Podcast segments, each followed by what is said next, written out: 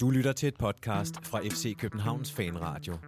Programmet med tid til detaljerne. Påsken er forbi. Derby står for døren. Om FC København er genopstanden efter en sejr i Randers. Om PC er den rigtige mand for fremtiden.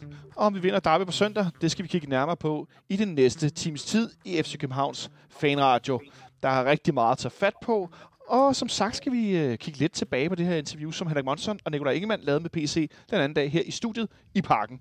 Velkommen indenfor. Mit navn er Jonathan Folk, og jeg har i dag øh, taget plads i Parken. Ja, du hørte rigtigt. Jeg sidder ikke længere hjemme i min stue. Jeg er tilbage på Østerbro 2100. Det føles fuldstændig fabelagtigt ikke længere at sidde derhjemme og skulle optage fanradio, men derimod være tilbage på vores fantastiske fodboldstadion. Der har jeg i dag en gæst. Han sidder her lidt til, til højre for mig bagved. Øh, Jonas Christiansen, velkommen til, Jonas. Jo, tak. Hvornår har du sidst været i parken? Det er jo det var et par måneder siden, siden, siden vi sidst var herinde. Jeg stod også lige og snuse ude i, øh, i boksen herude. Lige at kigge lidt på græstæppet.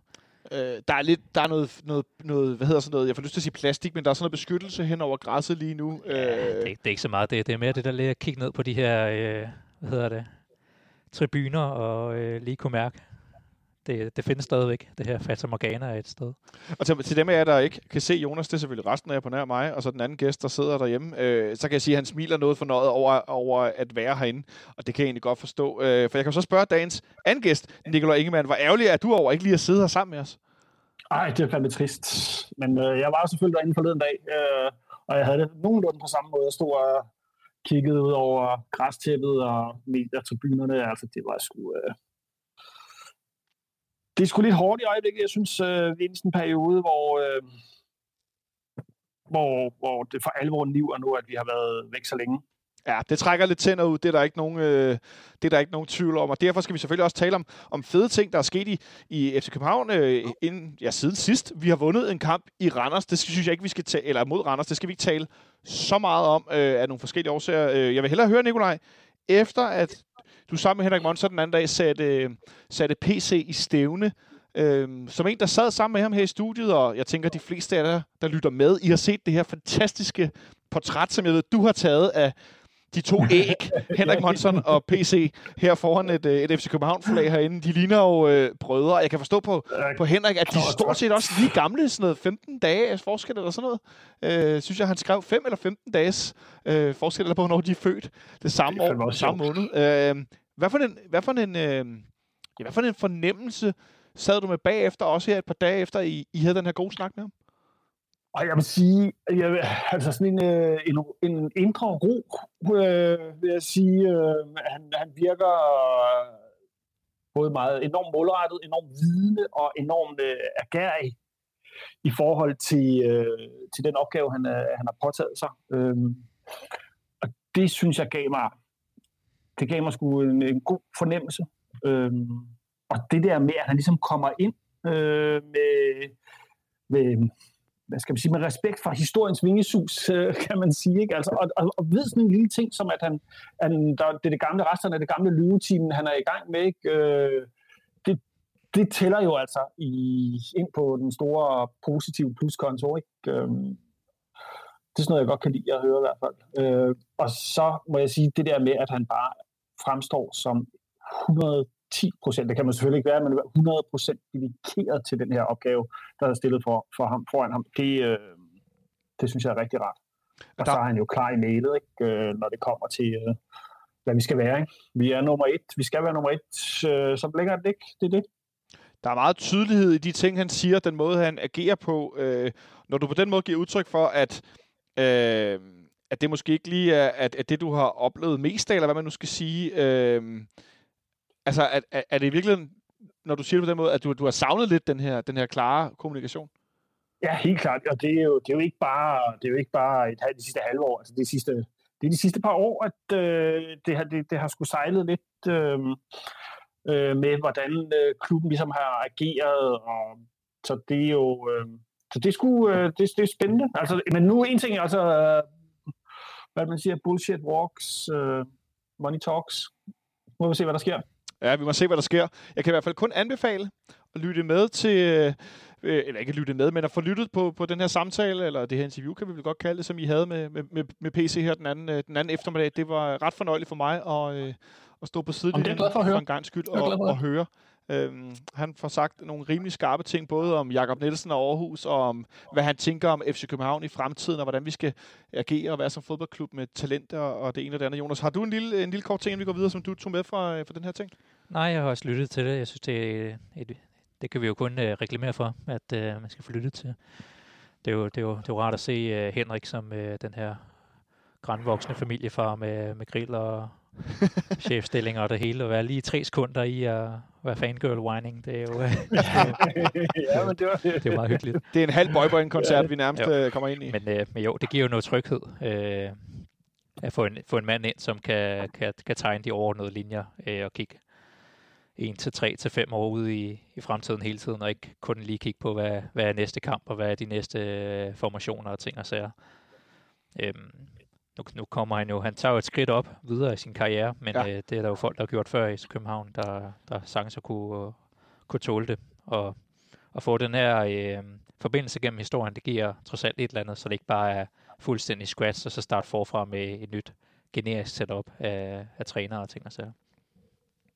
Ja, altså, og så, så skal vi jo så heller ikke øh, glemme, at det er jo så første gang i hvad, fem år, vi nu har en, altså en sportsdirektør, som ikke skal lave andet end at, at tegne øh, klubben øh, på, de, på, på, de, på de sportslige linjer. Øh, som ikke også skal, som, øh, som vi snakker om, at øh, også skal tænke ud, hvad sker der næste uge, øh, men, men, men, man har de lange, øh, lange lys på.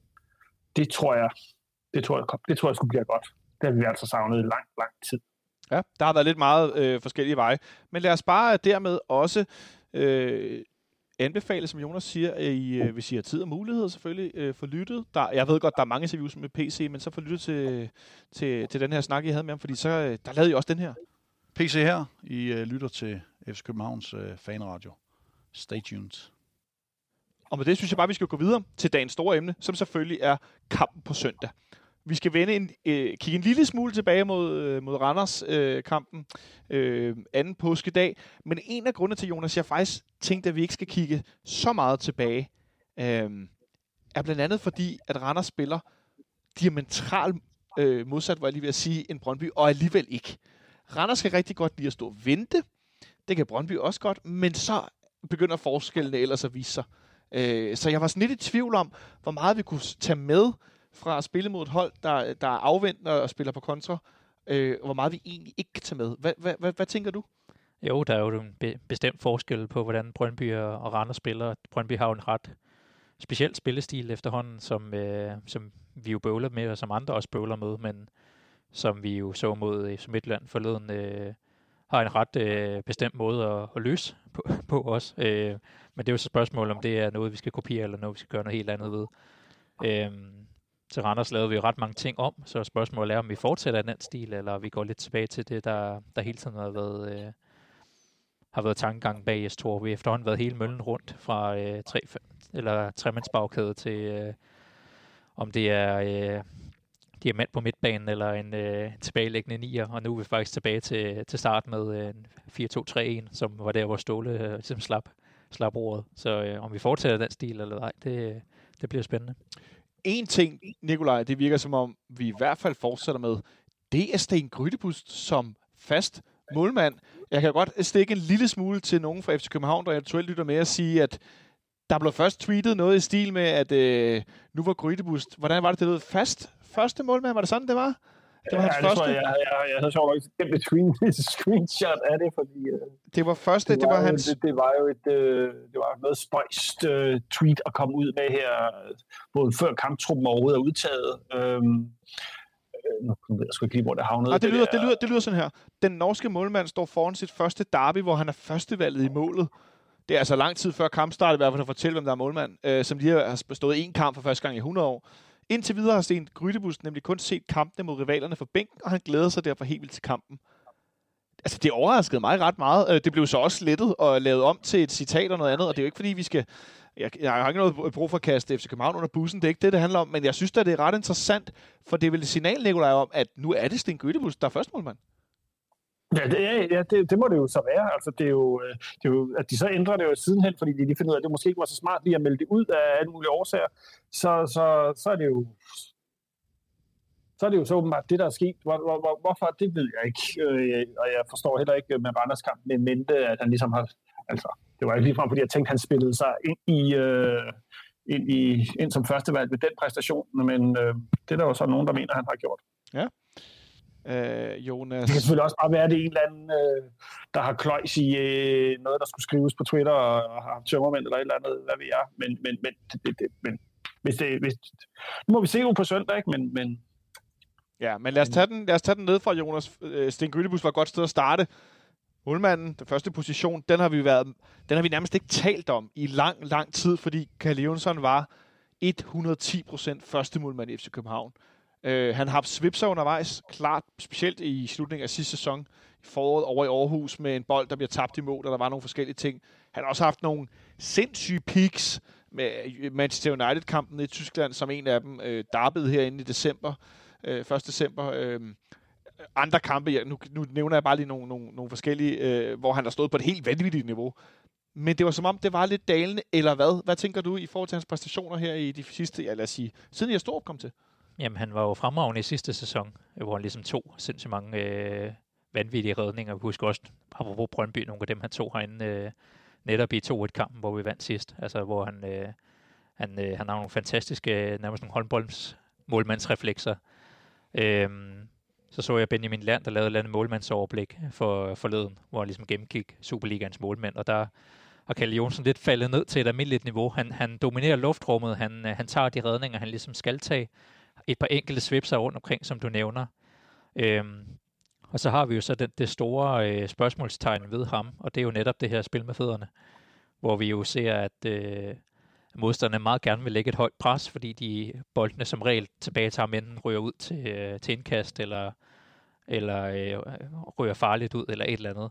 Og vores egne forsvarsspillere er lidt utrygge ved at spille ham. Ja. Det, er jo, det er jo det, man prøver at bringe ind med Sten Grytte Bust. Øh, fordi at, det er jo ikke fordi, vi mangler en målmand til at... Det er jo fordi, Kalle Jonsson har lavet en masse drops eller et eller andet. Men nu får vi Grytte ind, der i hvert fald mod Randers øh, spillede lidt bedre med fødderne, og trods alt ramte den lige ned ad banen, da han så skulle sparke langt. Øh, det giver jo noget, så noget andet utryghed i forhold til, at der står en ny målmand, og hvordan redder han så de bolde, han så skal tage, og så videre. Og så det sidste spørgsmålstegn, det er jo så kommunikation til forsvaret, som er lidt svært ved at greje, hvem der er bedst til det. Hvem der er bedst til at styre forsvaret, det er nok i virkeligheden Stefan Andersen, der er allerbedst til det. så kan vi kombinere vores tre målmænd, så øh, havde vi en superkeeper. Nikolaj, du har, øh, du har ikke ombygget et af rummene hjemme i lejligheden til at være et, øh, sådan et laboratorie, hvor vi kan klone vores tre målmænd? nej, nej, nej, dog ikke, dog ikke. Nå, satans. Men det er meget, jeg synes, det er en meget præcis analyse af vores tre målmænd der. Så, så ja, jeg er, ikke, jeg, jeg, jeg er jo ikke rigtig tryg ved nogen af dem egentlig. Det er jo det, der måske er lidt af problemet. Ej, altså, og så specielt det der med, at hver gang man skød et langt skud mod Kalle, så gik den ind. Ikke? Øh, hver gang der kommer en høj bold, øh, som Grydebust skal prøve at gå efter, så er hans arm ikke lang nok. Og, øh, ja, så ja, vi, nu må vi se. Altså, vi, og jeg har jo også været virkelig glad for nogle af Kalles refleksregninger, som har været fuldstændig vanvittige. Men øh, ja, nu må vi se. Ja, nu kommer jeg lige til at tænke på nogle flere. Han har i sæson forårspremieren op i Aalborg, hvor han jo også har en helt vanvittig redning. Øh, og så kommer jeg til at tænke Celtic på udebane. Hvis I vil se Kalle Jonsson brillere, så prøv lige at gå ind og se højdepunkterne for den der kamp op i Glasgow. Wow. Nå, det var ikke, ja, fordi vi skulle handle så meget om det. Øh... Det var jo, jeg sige, det var jo så et af de der store problemer. Det var jo alle vores spillere peakede, når vi spillede europæisk. Øh, ja. Men øh, ja. not so much på andre tidspunkter. Det gør vi altså ikke så meget i det europæiske. Øh, men men øh, ud fra, hvordan vi stillede op mod Randers, Jonas, det var jo uden Sanka. Det var med Victor Christiansen, Bøjlesen, Victor Nielsen, og så var Peter Ankersen tilbage. Han har spillet en halv time i en reserveholdskamp ud med Bartolets. Hvordan tror du, den øh, føles at blive mødt af for Carlo Bartolets efter at have spillet 5-6 kampe i streg? Ja, der var lige glemt i starten af, da Bartolets overtog, at øh, han gjorde det udmærket, men så var der nogle svipser med, mod Brøndby sidst og sådan nogle ting. Øh, så jeg tror, at hans, hans niveau dalede ned til, til noget, hvor Ankersen nemt kunne, kunne overtage. Det, det giver noget andet tryghed, det giver nogle andre løb øh, på en eller anden måde, at have, have ham tilbage. Så det, det glæder jeg mig egentlig over, at øh, uh, Ankersen tilbage i, med sit, øh, sit batteri i ryggen og bare kan løbe, løbe solen sort.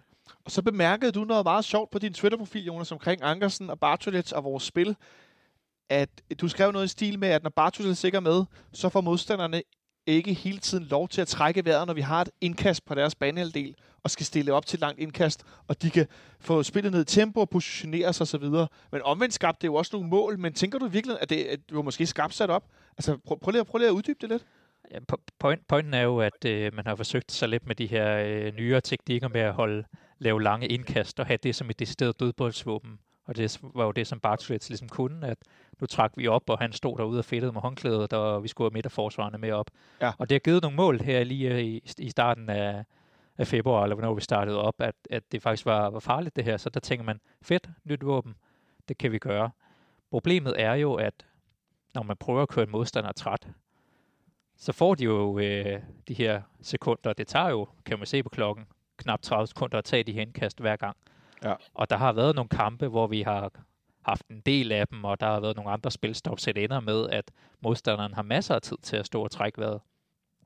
Og der havde man jo øh, baseret på det fantastiske øh, stat, statistiske udgangspunkt en kamp her i senest, hvor vi lige kan se, at vi faktisk kørte Randers trætte, fordi vi kunne holde tempoet, vi kunne blive ved med at spille. De kunne ikke få det her overblik, hvis nogen af dem var ved at blive lidt illusioneret og så videre. Det kunne vi faktisk holde det tryk ved ikke hele tiden at have spilstop. Så, så havde vi så problemer med at sætte bolden i kassen og, og lukke det sidste, så det kunne være, at dødboldsmål havde været meget rart. Men det er, det er jo så afvejningen. Skal man holde spillet i gang og køre dem trætte, eller skal man forsøge at få en ekstra dødboldsmulighed? Der er ikke noget bedre, når man beder nogen om at komme med en rigtig god argumentation for deres pointe, og så ender de selv med at underbygge den og sige, ah ja, det er faktisk ikke rigtigt, det jeg siger. Det er altid, det er altid skide godt. Øhm, men Nikolaj, synes du ikke, det er interessant, den her tanke med, at en ting er, at Ankersen kan løbe solen sort, har en bedre indlægsfod, men at Bartolet havde den her funktion også, men at når vi tager det ud, så kommer der faktisk mere flow i vores pres og vores, øh, ja, vores spil. Jo, det, jamen, det synes jeg, det giver, jo, det giver jo god mening, altså som, øh, som Jonas også siger, at øh, spillet bliver lige pludselig lagt an, an på, at det, vi spiller hurtigt, i stedet for at kaste langt. Øh, det tror jeg, det, det, sgu, det er noget meget godt. Ja. Jeg kan bedre lige at se det på den måde, jeg, jeg, jeg forstår ikke helt det der lange indkast. Så. Men det var jo en spidskompetence, selvfølgelig skulle man udnytte det når, det, det, når han ikke har en god indeksfod, så må man jo kaste noget ind i stedet for. Så må man kaste noget ind i stedet for. Gider man at kunne kaste hjørnespark og indlæg, så er det været skide godt. Ja, Jonas? Jamen, det er bare for at sige, at øh, hvis man kigger lidt på, øh, på nogle af de bedste hold rundt omkring i Europa lige nu, så, så går de mere og mere imod at holde, holde spillet flydende og holde så meget boldgang som muligt. Øh, så, så det der med at kaste lange indkast og få nogle dødboldsmuligheder, det er, det er nok noget, der, der lidt mere tilsiger hold længere nede i rækken, som har brug for nogle andre muligheder, og brug for os selv at kunne trække vejret på nogle af de her ting. Så jeg vil jo argumentere for, at hvis vi gerne vil være et tophold, så burde vi øh, søge mod at, at holde spillet i gang. Men kunne det også være, at det var lige en kort periode, hvor vi havde rigtig svært ved at holde spillet i gang, og det udnyttede os af de få eventuelle muligheder, vi havde for at gøre noget andet, når nu spillet ikke flød? Ja, det kunne være, at det gav, det gav bedre mening nu, man havde Bartoles på banen, og nu det var vinter og elendige baner og sådan nogle ting, at man var nødt til at køre sådan nogle ting, og man ikke kunne fedte rundt mellem øh, Vind og Falk og, øh, og Pep Biel og sådan nogle typer i nogle fine trekanter, og bold bare røg helvedes til. Så, så kaster heller et indkast og se, hvor den ender hen. Det kan være, at det simpelthen bare var et, et tidspunkt i, i den periode. Ja, den endte i hvert fald i mål nogle gange, Nikolaj, i løbet af den her periode, hvor vi udnyttede det meget, at Bartolets kan kaste bolden, exceptionelt langt. Øh, ej, måske ikke exceptionelt, men længere end de fleste, lad os sige det.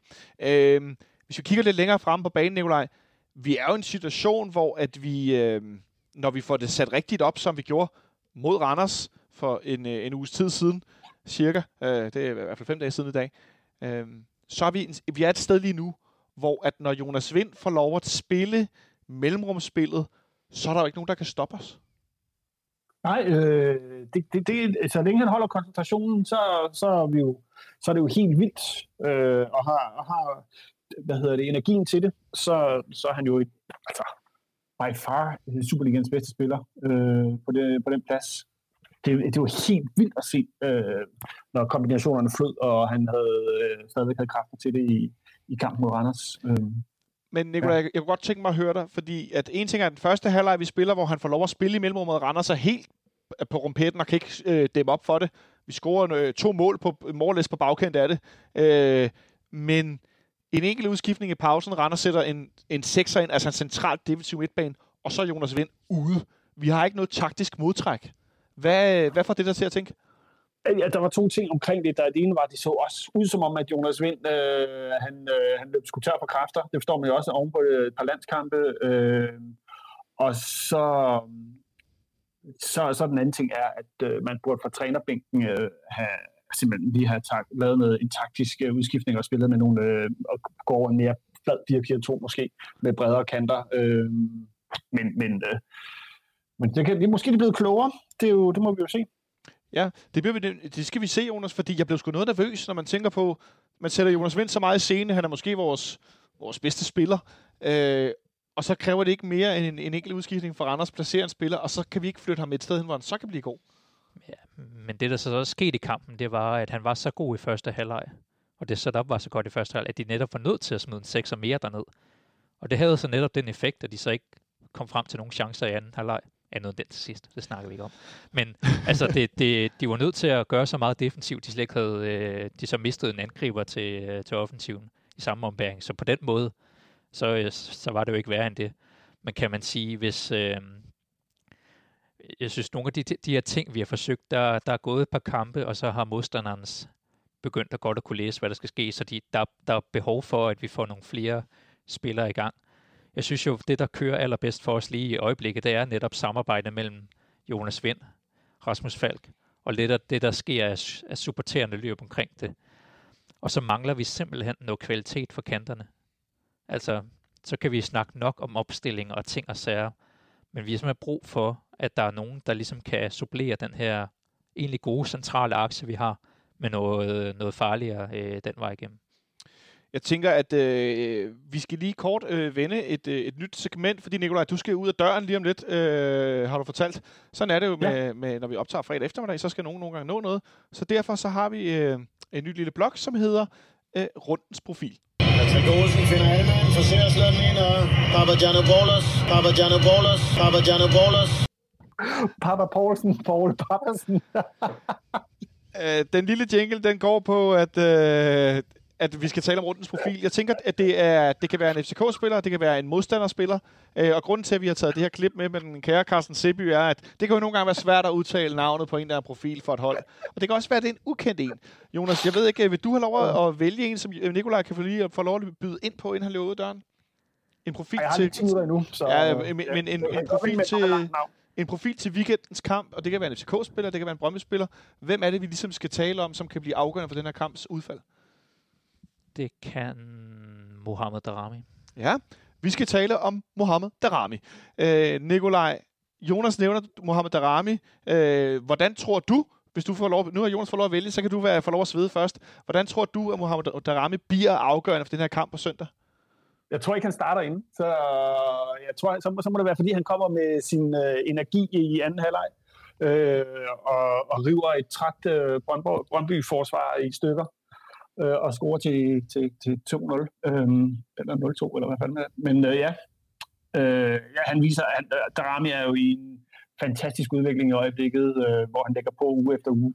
Men, øh, men øh, jeg tror ikke, øh, han kommer ind fra starten af. Jeg tror, man øh, går med den kære Fischer i stedet for.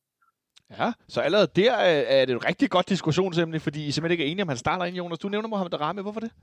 Jamen, jeg er heller ikke sikker på, at han starter ind, men jeg synes simpelthen, han var så, øh, han var så god sidst, og han er netop så inde så...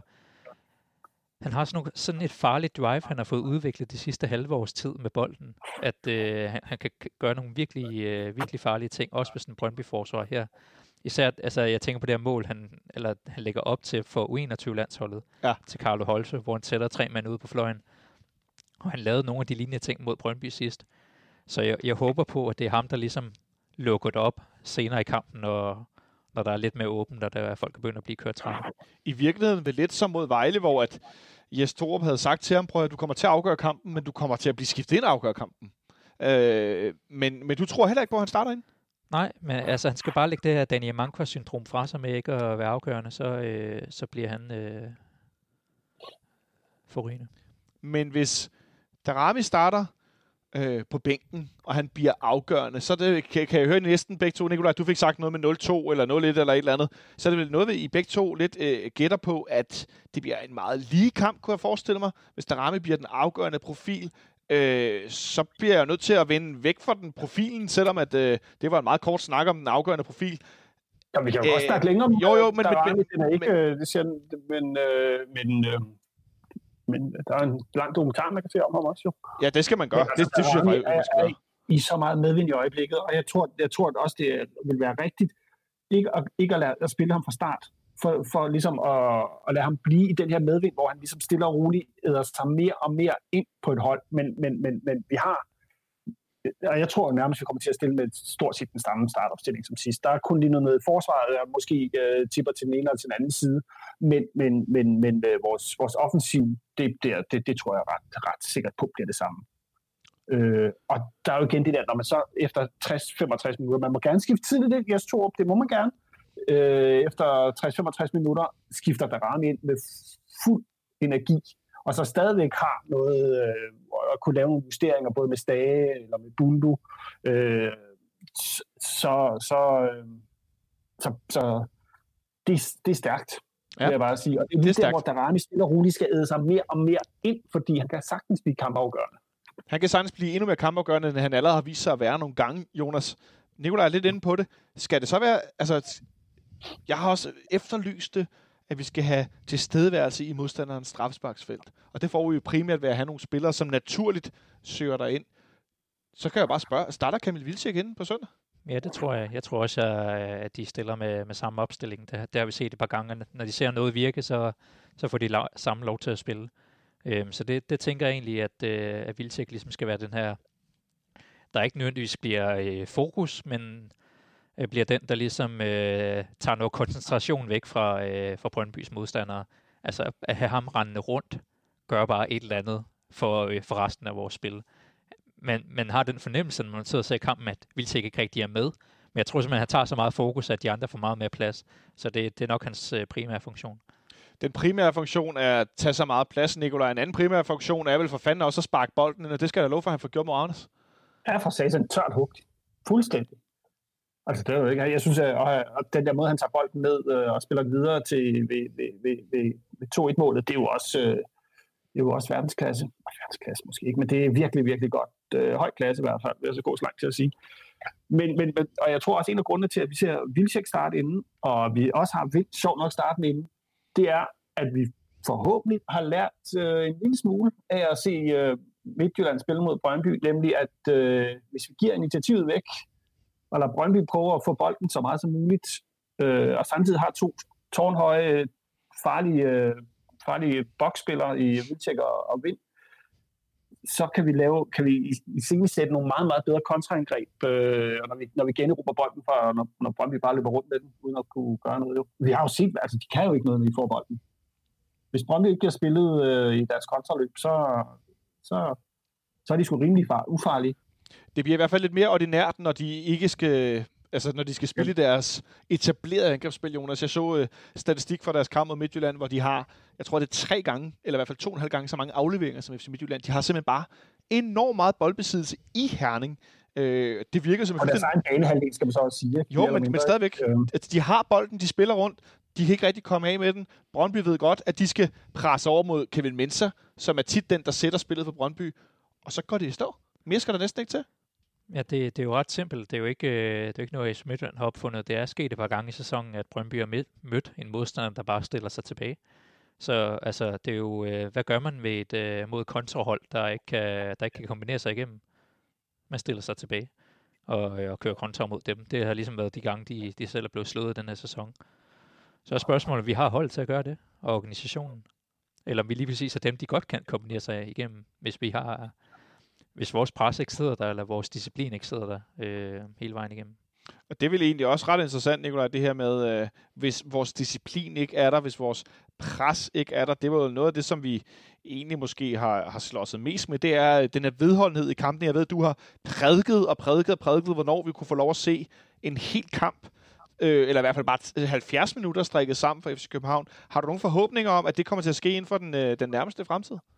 Ja, det har jeg. Jeg, jeg synes, øh, vi så mod Randers, at der var noget, der ligesom faldt på plads, øh, og jeg tænker nu en hel uge, hvor holdet øh, har været tilbage igen og har kunnet træne, så, så, øh, så tror jeg altså, der sidder noget meget, meget mere øh, i skabet, øh, end der har gjort længe. Øh, det er i hvert fald min, min, min, min, min forventninger, altså, og det er også derfor, at mine forventninger er, at, øh, at uh, en sejr, fordi vi er et bedre hold end Brøndby, spiller for spiller, og, og nu, nu har vi set, øh, hvor Brøndbys svaghed ligger, øh, og vi var drøn uheldige med at tage til dem sidst. Øh, så, så nu, det, bliver, det bliver en sindssygt spændende kamp, og det er jo nu, vi skal for alvor vise, at det ikke er Brøndby, der skal blive dansk mester. Det er den ene ting. Fordi Midtjylland spiller uafgjort mod, øh, mod AGF. Ja, det er den ene ting, vi skal at, at Brøndby vinder det der forbandede danske mesterskab. Men Jonas, Nikolaj er inde på, at vi er bedre spiller for spiller, men vi har jo ikke vist det i en evighed. Øh, hvordan tror du, altså hvad skal der til for, at vi kan vise det i sådan en kamp på søndag, at vi på papiret er bedre, men også på banen? Det kan godt være, at, øh, at vi har behov for øh, noget konsekvens, som for eksempel spiller som Vildtjek giver, fordi nu har jeg set efterhånden en del øh, derbys i streg, hvor jeg egentlig synes, vi er bedst i spillet. Altså vi kombinerer den flot rundt på banen, vi har bolden mest, vi, øh, vi presser dem langt tilbage, men alligevel så øh, kan vi ikke rigtig komme ind til de ordentlige afslutninger, og så ender det alligevel med, at vi laver fejl nede bagved. Så jeg har brug for noget, noget konsekvens og noget koncentration, og måske nogle, øh, nogle lidt simple våben øh, for, for at løse det. Så udover øh, det, I lige blev enige om, var øh, rundens profil, altså Mohamed Darami, som har vist konsekvens, når han har spillet. Øh, kan du prøve at nævne mig et par stykker, Jonas, øh, som Nikolaj lige kan være med på bagefter, som nogle af dem, der skal vise den her konsekvens? Jeg gætter på, det er den helt klassiske kliché. Vi skal være skarpere i felterne. Øh, men, men hvad er det for nogle spillere, hvis du skal nævne nogle stykker, som er dem, der ligesom skal løfte de andre med, så vi kan vise den her øh, styrke og, og kynisme? Ja, nu har vi jo netop haft en, øh, en uges træningspause, hvor at vi øh, før den her formationsændring havde en landsholdspause, hvor mange nøglespillere var væk. Vind, Seca, Nelson, Bøjlesen, altså mange af de her centrale elementer var ligesom væk på landsholdspausen. Nu har vi fået tid til at træne, øh, og vi forhåbentlig har presset siden lidt bedre, som vi så var, var nogle problemer mod Randers. Kan man få det til at køre? Øhm, og kan man, øh, kan man straffe Brøndby på de muligheder, de rent faktisk giver, så, øh, så burde det, altså, øh, så burde det være nok. Men øh, vi skal jo være, være klar over, at vi er op imod et hold, der har en ret konsekvent spillestil. Det er de samme, der spiller gang efter gang, i hvert fald øh, stammen. Så øh, vi er nødt til at slå dem på nogle andre ting. Ja, men hvem, hvem er det? Prøv, prøv at nævne nogle stykker. Hvem er det, der skal, der skal gå forrest i det her? Altså sådan for alvor, øh, du, du, du er lidt ind det på skal, det. Men... Øh, det skal Bøjelsen øh, som lederne i forsvaret. Det skal, øh, det skal Jonas Vind og, og Falk med det her samarbejde. Og så har jeg brug for, at der bliver steppet lidt op for en spiller som, øh, som Lea for eksempel. Ja, hvad tænker du, han skal bidrage med mere? Jamen han skal, han skal altså jeg tror ikke, han nogensinde bliver en, en spiller, der øh, fuldstændig dominerer kampene, men han, han skal være den her solide motor, der bare vinder alle du- dueller nede bagved, der spiller alle de rigtige pasninger, øh, før modstanderen når at tænke over det, og de her ting, øh, og ikke øh, ikke flakker lidt rundt på banen og, og gerne vil nogle forskellige ting. Jeg vil gerne have ham, have ham mere centralt ind i, øh, ind i spillet. Af de her spillere, som Jonas lige nævner, Nikolaj, hvem af dem, altså øh, Bøjlesen, øh, Falk Vind, øh, Lea, hvem af dem øh, håber og tror du på, øh, kommer til at blive mest afgørende på, på søndag i forhold til, at vi gerne vil have det resultat, som vi selvfølgelig vil? Altså selvfølgelig, øh, det er jo igen den der, øh, det, skal man sige, tre duer, øh, øh, med, som, som kan i sætte hinanden øh, i, i, i, i vindfalk, og så også Fischer i, som vi så det, ikke? Øh, og så med, med, med Vildtjek op foran, som, øh, som output måske. Øh, men, men vi er også nødt til at sige, at der er en spiller som, øh, som Segas, han skal simpelthen steppe op nu. Og det, det, øh, han, han har kørt lidt for lang tid på, på 85-90 procent, øh, øh, så, så og han bliver en nøglespiller. Det tror jeg simpelthen. Og så, så er den store, så nu, nu skal jeg gå om to minutter, så er den store bombe her, det er jo simpelthen spiller Sanka. Ja, og hvad siger du? Altså, I har jo begge to lidt fået givet udtryk for, det tror jeg ikke rigtig. Jeg tror, Sanka spiller. Du tror, han spiller? Ja, jeg hvordan, tror, han spiller. hvordan kan det være? Ja, men det er bare sådan en mavefornemmelse. Jeg tror, øh, jeg tror at man øh, rykker bøjle ud, og så øh, ud på bakken, for at få noget mere øh, løb ud på kanterne. Øhm, og det er for at kunne brede spillet længere hurtigere ud på, på, øh, ud på, på kanterne, ikke? Øh, fordi at vi har, vi har vores angreb, der søger så meget ind i midten, øh, for at kunne skabe noget plads. Og så og så tror jeg bare, at det er, sådan en, det er også en måde for, for, for Jes Torup at sige, øh, og måske også BC at sige, det, nu, det, nu skal du fandme vise, hvad du er værd. Og, og, og hvis du ikke kan det her, så hvis du ikke kan, kan være en nøglespiller i sådan en kamp her, så kan du aldrig være en nøglespiller mere i FC København. Så det er, Så det er make, også make, så, Ja, det er make or break efter en uge i svedkassen for Mathias Sanker Jørgensen. fuldstændig. Ja, du kan lige få Jonas' svar på den, inden du hopper videre ud i øh, eftermiddagssolskinnet i København. Nikolaj, jeg Ja, tror, det han er tror jeg. med for at skulle bevise sig, og det er nu, det gælder. Nu har han haft en uge til at, øh, at tænke over det. Tror du, øh, tror du, de sender ham på igen? Det kan godt være, men så tror jeg, det bliver i stedet for Nielsen. Jeg tror, Bøjelsen er nummer et lige nu. Og jeg tror, at det her setup, jeg tror, det her setup, hvor man har, øh, har Falk længere op ad banen, der, og det her, hvor folk, de, vi har den her ja, kombination op foran, der, der, der svæver lidt rundt, så har man brug for en, en, øh, en tonser ude på, på, på siden. Og der er Victor Christiansen lidt mere sådan en, der bare brager mod sidelinjen, end, end Bøjelsen er. Så jeg tror lidt, der er det element af det. Og så øh, i øvrigt hans, øh, hans pasningsfod.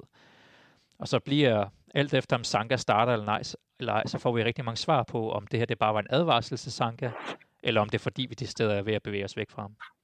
Men vel også, Nikolaj, bare til allersidst, noget med, øh, vi troede, det skulle være Andreas Belland, der spillede med det her venstre ben. Det bliver det ikke. Det kan vi lige så godt konstatere. Så det er vel også noget med, i, som Jonas er inde på, med noget med at kunne spille bolden. Altså med at spille med Bøjlesen. Ja, men også, det, er jo, det er jo også rigtigt nok. Men, men øh, ja, nu må vi se. Ja. Jeg, må du- jeg, kan ikke, øh, jeg kan bare sige, at jeg glæder mig helt vildt til den kamp. Ja, og så øh, går du om et øjeblik, så derfor skal du lige have lov at byde på kampens resultat her tidligt, inden og Jonas snakker videre. Jamen, jeg tror, vi vinder 2-0. For hvis vi ikke gør, så bliver jeg så rasende. Ja, så, så blokerer jeg Nikolaj i to dage. det, tror jeg ikke, det tror jeg ikke, du er den eneste, der skal gøre. Okay, okay, okay. Nå, du får lov at køre med 2-0, inden vi hopper videre. Øh, Kan I have det rigtig godt? I lige måde, Nikolaj, vi ses derude. Det gør vi i hvert fald. Tak. Hej. Hej.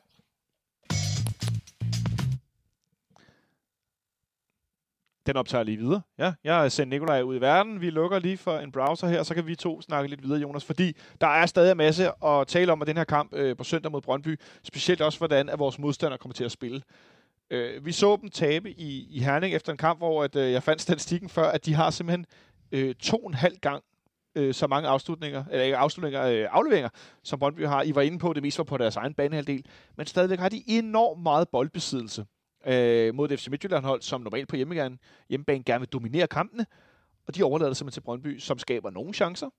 Michael Ure har en friløber, de har to på overlæggeren, men det er jo ikke sådan så, at de vader i chancer, Brøndby.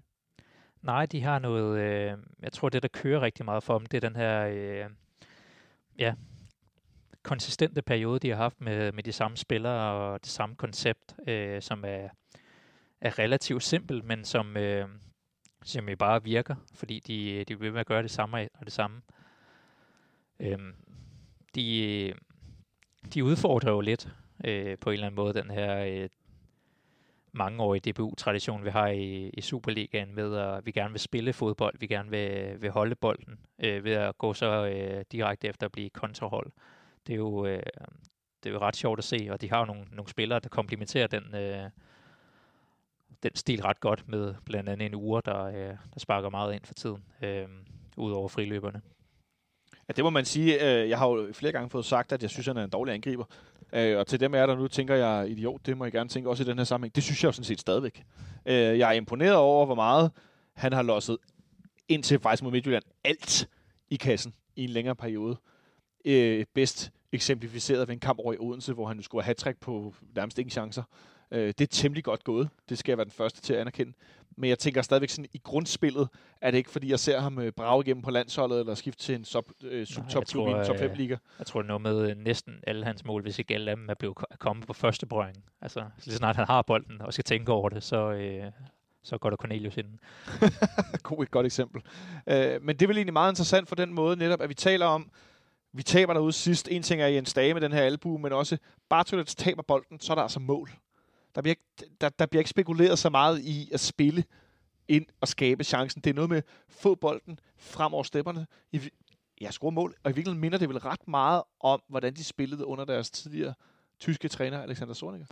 Ja, ja, jeg, jeg husker, at Niels Frederiksen har brokket sig lidt over, øh, jeg tror det var en gang i efteråret, at, øh, at han gerne ville have lagt flere ting på spillet, og han gerne ville have taget mere tid ud til at, arbejde proces, mere kompliceret spillestil, øh, renere spillestil og sådan nogle ting.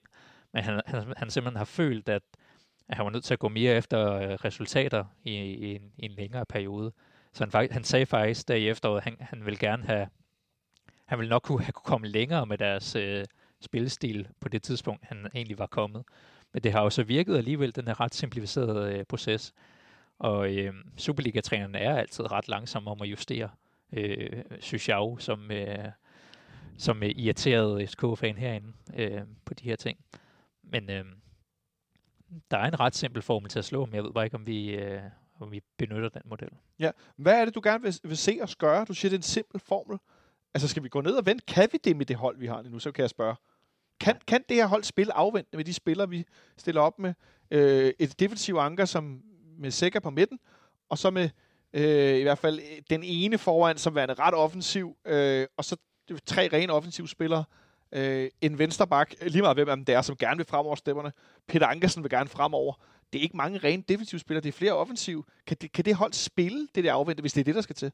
Nej, det tror jeg ikke, ikke helt kampen igennem, fordi jeg synes, altså, når man rammer det der minut 60-70, hvor øh, taktikken for begge hold begynder at gå lidt i stå, som den altid gør i fodbold, så, øh, så bliver der lidt mere tubang over den. Og det er jo faktisk også der, hvor vi ender med at tabe mange af de her kampe. Det er, når, når strukturen falder til sidst, og vi begynder at skifte alle mulige 4-5 nye spillere ind. Altså, så, så falder det fra hinanden, og så er det faktisk, de, de straffer os på det tidspunkt. Så jeg tror, vi er nødt til at score tidligere i kampen og komme foran, hvis vi, hvis vi gerne vil vinde. På en eller anden måde, så kan vi ikke rigtigt det der med at, at give den los til sidst og, og, og komme tilbage den vej igennem.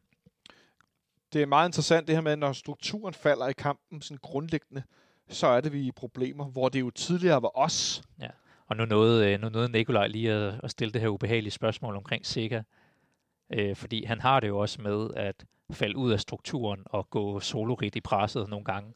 Så vi ender med de her situationer, hvor der er helt skabende tom foran forsvarskæden, der alle sammen falder tilbage, og vi har alle de her cutback-mål, som jeg snakker om. ja. Øh, det kan være, det kan, forhåbentlig så kan det løses ved, at vi nu har to sekser, altså har en Lea også til at dække noget af det område, og være lidt mere distilleret til det område. Det kan, det kan give lidt mere øh, stabilitet den vej igennem.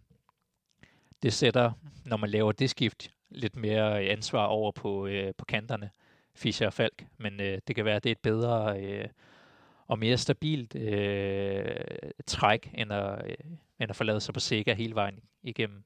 Det er ikke fordi, der er noget, det er ikke sikkert, det, det er sikkert, der er problemet, men hvis han så tager de her solorit, så skal resten holde fald ind, og der er vi bare ikke øh, til, at de, de automatiske tankegange er der i holdet så sent ind i kampen.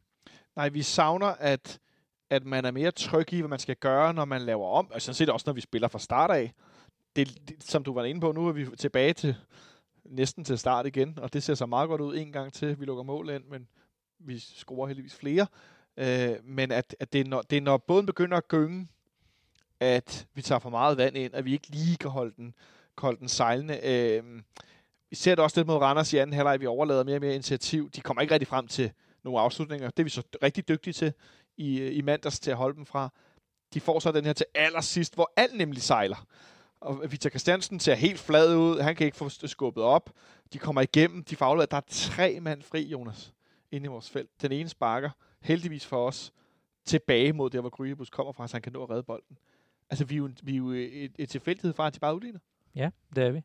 Og øhm, det er jo spørgsmålet, om det er... Øh, om det er det der mentale, vi har forsøgt i lang tid på at sørge for, at spillerne de, øh, de holder sig øh, opdateret, men jeg tror egentlig også, det er, det sker i en eller anden kombination af, at vi har en, en 18-årig vensterbak, og vi har en, øh, vi har en anden venstreback i midterforsvaret, og, og sikkert der render op på øh, og presser op øh, presser målmanden op i det modsatte felt på, på et eller andet tidspunkt. Der, der er sådan nogle øh, kombinationer, hvor der, der er brug for at være nogle, øh, nogle aftaler på, i holdet på plads, der bare bliver fuldt hele vejen igennem. Men er, det, er, det, er vi for konservative, Jonas? Er det også der er vant til, at vi har spillet på den her anden måde i mange, mange år, hvor man aldrig så en central midtbanespiller pludselig, og det gjorde man, men det var meget, meget sjældent, pludselig presse op på målmanden at nu ser vi det, at spillestilen grundlæggende er mere øh, løs, den er mere, øh, nogen vil sige, vild i nogle situationer, at det er lige så meget, øh, i højere grad måske, min end din øh, hukommelse og hjerne, der tænker, hvad er det, der sker, mand? Hvor er strukturen? Hvor er den her safety, den her base, der gør mig tryg som FC København-fan og som fodboldseer. Jeg ved, hvad der skal ske. Spillerne ved det. Og når jeg ved det, så ved spillerne det i hvert fald også. Og så ved vi godt, hvad der skal foregå, og så, så, så bliver de gode. Så skal de ikke tænke så meget over det. Skal, skal, jeg, skal jeg slippe mig mere, altså skal jeg slippe mig selv mere fri, eller er det i virkeligheden for vildt? Hmm, Hvad, hvad, hvad, hvad, hvad, hvad tænker du? det kan jo godt være det her med, at øh, Torup ikke vil snakke øh, formationer og placeringer, han vil snakke principper. Altså, har vi så principperne på plads? Hvad sker der i de her situationer? Det er jo ikke sikkert. Altså, øh, for det første så skal holdet jo nok have, have væsentligt mere tid, før vi kommer hen til sådan et øh, punkt. For det andet, så, øh, så skal vi jo også som fans vende os til, at det er en ny æra. Det bliver ikke, øh, det bliver ikke Hans Bakke fodbold igen. Det bliver nok heller ikke Ståle Solvangen fodbold igen. Vi kan altid snakke tilbage til de gode gamle dage, dengang, hvor alting bare kørte helt perfekt. Men fodbolden udvikler sig, FC København udvikler sig, og det synes jeg også, den skal. Så det bliver jo nok et andet hold. Øh, men nu får vi jo øh, en, en større skaldet mand ind, der skal tegne butikken hen over øh, nogle flere år. Vi har nogle øh, intelligente assistenttrænere, der, øh, der, der hjælper Torup alt det, han kan. Så den gruppe skal jo på en eller anden måde finde ud af, hvad det er, vi gerne vil. Vil vi være et hold, der scorer tre og lukker to mål ind, eller vil vi være et hold, der scorer et og lukker nul ind? Hvor vil vi gerne ligge os sende i forhold til spilstil? Lige nu har vi et hold, der øh, hvis typer og profiler ligger mere hen imod førstnævnte, altså højt, højt målskampe, mange målskampe. Men det kan jo godt være, at PC har en anden tankegang, og vi begynder at se flere øh, øh, solide typer, der, øh, der går, mere imod øh, 1-0-kampene igen. Det synes jeg lidt, jeg hørte i øh, et af de første interviews. Jeg skal ikke huske, hvor det var hen. Der, der nævnte han i hvert fald, at han, han vil gerne balancere truppen mere med nogle flere solide spillere, tror jeg, det, han kan kalde det, eller nogle flere kæmpere, end øh, bare de her øh, øh, rapfodet øh, øh, boldspillende typer. Hvor, øh, hvor tror du, det bærer os hen, hvis vi skal kigge en lille smule øh, længere frem? Altså, øh, at det er jo ikke lykkedes for noget dansk hold at præstere i Europa med offensiv spil. Det er jo lykkedes for de forskellige hold, når man har været defensiv. Og jeg nu siger lige noget, nogle af jer måske vi havde. Men en gang for 30 år siden, da et hold fra motorvejssammenflætning herude, de var rigtig dygtige i Europa, det var jo også på defensivt spil. Det var jo ikke på at skulle frem og spille offensivt øh, fodbold. Det var jo ikke det, der foregik. Øh, det, at, at de hold, vi har spillet med, det mest offensive, vi har haft, tænker jeg, det må jo være... Jeg er i tvivl om det er 10-11 holdet, eller om det i virkeligheden er 16-17 holdet. FC Midtjylland, der lige øh, i, i Champions League gruppespil, det var jo heller ikke fremadrettet. Øh, OB's triumfer har heller ikke lige frem været fremadrettet. Altså, at en ting er at spille i Europa og få succes med at være lidt afventende, fordi man er et mindre hold, en mindre klub for en mindre liga. Men hvis man så ikke kan vinde på det i Superligaen, hvordan skal vi, tænker du, altså hvordan skal vi kombinere det her? Skal man så have to forskellige hold? Ja, så er vi jo tilbage til den egentlige udfordring, som er her i klubben, som måske ikke er løst endnu.